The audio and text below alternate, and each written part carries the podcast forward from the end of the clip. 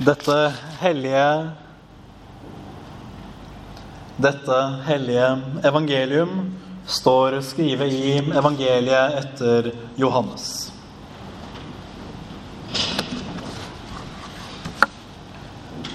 Fred etterlet eg dykk. Min fred gjev eg dykk. Eg gjev dykk ikkje fred på samme måten som verda gjør det. Lat ikkje hjartet dykkar uroast, og vær ikkje motlause. Slik lyder det heilage evangeliet. Nåde og fred fra Gud vår Far og Jesus Kristus, vår Frelser. Det er litt rart å stå her ved inngangen til det nye året og se tilbake. Det har jo vært litt av et år. Jeg trenger vel knapt å utbrodere det noe særlig for dere. Men hvis vi tenker tilbake, så er det vel de færreste av oss som hadde sett for seg at året skulle bli sånn det ble. To vanlige måneder fikk vi før livene våre tidlig i mars ble snudd på hodet.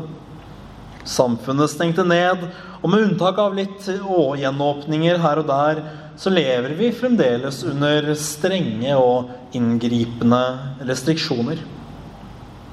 Og det er krevende i lengden. Fordi dette på mange måter griper inn i selve freden. En fred vi har lært å kjenne i Norge som vår fred. En varende fred. Selv har jeg vokst opp med denne freden og aldri kjent noe annet. Jeg husker at jeg lærte i samfunnsfagstimene på gymnaset at fred ikke nødvendigvis bare er fravær av krig. Det handler om mer enn det. Om summen av trygghet og velferd i landet.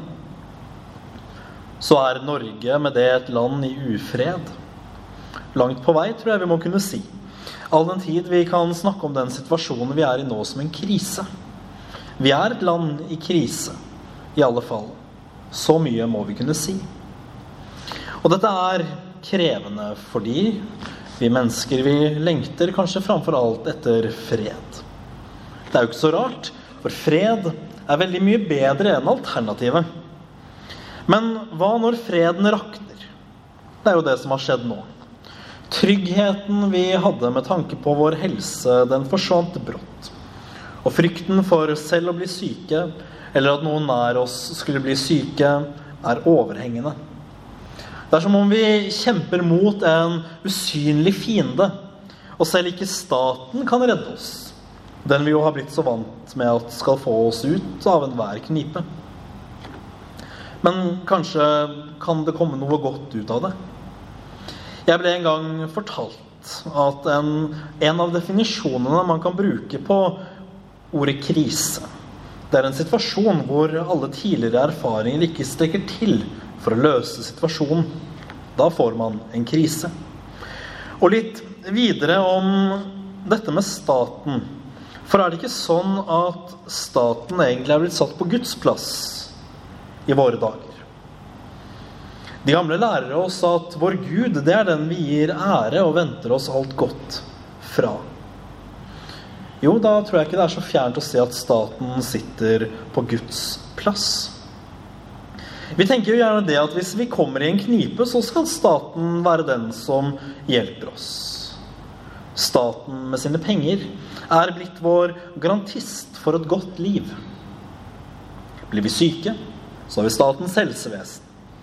Mister vi jobben, så garanterer staten at vi fremdeles skal få mat på bordet og tak over hodet. Og staten ja, den deler jo ut med villig hånd til de som er rammet på ulikt vis av koronaviruset. Når man ber, så får man svar. Men alt kan likevel ikke staten garantere for. Og det ser vi jo kanskje særlig i det året som har vært, hvordan staten kommer til kort. Den kan ikke garantere for vår helse. Den må be oss holde oss inne og unngå kontakt med folk, ja, ofte selv vår nærmeste familie. Den kan ganske enkelt ikke garantere for freden. Hvorfor? Jo, fordi den fred staten gir, det er den fred som verden gir. Og det er ikke en fred som kan vare. Den står seg ikke nødvendigvis så godt i møte med en hard og uforutsigbar virkelighet. Og da har vi ganske enkelt med en krise å gjøre. Men det er i denne krisen at Jesus kommer til oss med ordene Fred etterlater jeg dere, min fred gir jeg dere. Og dette er ord som er fantastiske å ha med seg inn i det nye året, hva enn som måtte vente der. Hvordan kan Jesus egentlig si dette? Hvordan kan han be oss om å la hjertet ikke la hjertet bli grepet av angst og motløshet? Forstår ikke han hvor kaotisk verden kan være, hvordan det er å være menneske? Jo, Jesus forstår. Det må vi kunne si. Hvordan kan han forstå han som er Gud? Naturligvis fordi han òg er menneske som vi feirer og minnes i denne hellige juletid. Det er mange grunner til at Gud lot seg føde som menneske i Jesus Kristus. Men at han, men at han skulle kunne ha medlidenhet med oss, det er et sentralt poeng som vi kan lese i hebreerbrevet. Jesus var prøvet i alt. Han fornedret seg selv ved å gå inn under våre betingelser, vårt strev og våre lidelser. Han møtte nød. Han møtte sykdom, usikkerhet, død og lidelse. Han møtte også glede og gode dager, men særlig møtte han våre byrder. Han delte dem, og han tok dem på seg.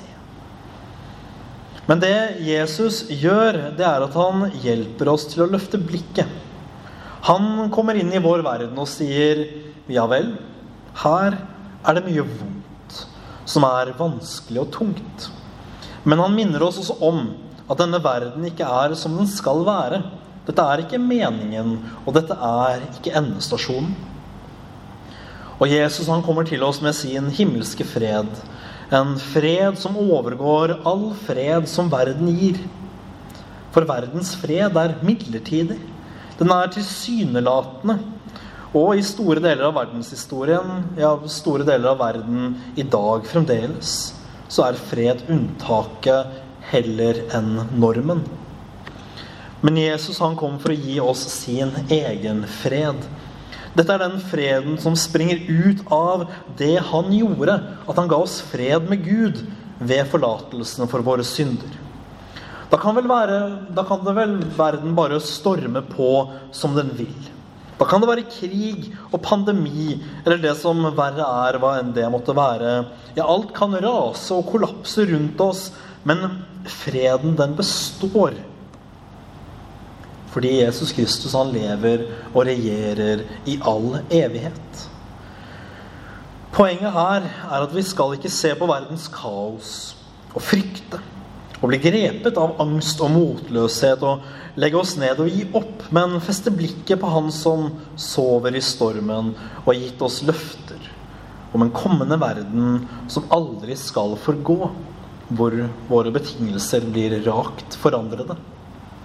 Inntil den dagen kommer da vi får skue den nye himmel og den nye jord, så er vi underlagt tidvis krevende liv i denne verden. Men vi skal ikke frykte. Vi skal ikke legge oss ned og gi opp. Vi skal holde fast ved Ham som ble menneske for vår skyld. Som vet hva det vil si å være menneske, og som gir oss sin fred. En fred som overgår all forstand. Så la dette være vårt håp og vår tro for det nye året. Vi vet ikke hva som ligger foran. Forhåpentligvis vil ting roe seg, og vi kan vende tilbake til normale liv. Men hva som ligger der, det vet vi ikke. Vi kan ikke spå framtiden, og med tiden vil nye kriser oppstå i en verden som stadig endrer seg. Men vårt håp og vår frelser er Jesus Kristus. Han som kom for å gi oss fred. Og en dag så vil han ta oss til seg i den evige fred i sitt rike.